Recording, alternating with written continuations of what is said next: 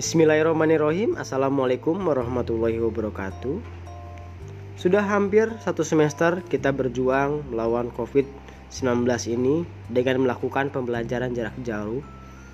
Banyak sekali pelajaran yang bisa kita peroleh Mulai dari mengelola pembelajaran, mendesain pembelajaran, sampai dengan melakukan evaluasi pembelajaran. Pada hari ini kita sudah belajar bagaimana caranya melakukan evaluasi pembelajaran dengan melibatkan pihak luar. Ya, walaupun hasilnya belum memuaskan, akan tapi semoga hasil yang kurang memuaskan ini dijadikan sebagai awal dan juga bahan perenungan kita untuk lebih baik lagi. Barangkali seandainya kalau kita mendapatkan hasil yang sempurna, mungkin kita akan berhenti untuk berikhtiar dan berusaha. Semoga hasil ini bisa menjadikan kita lebih baik lagi.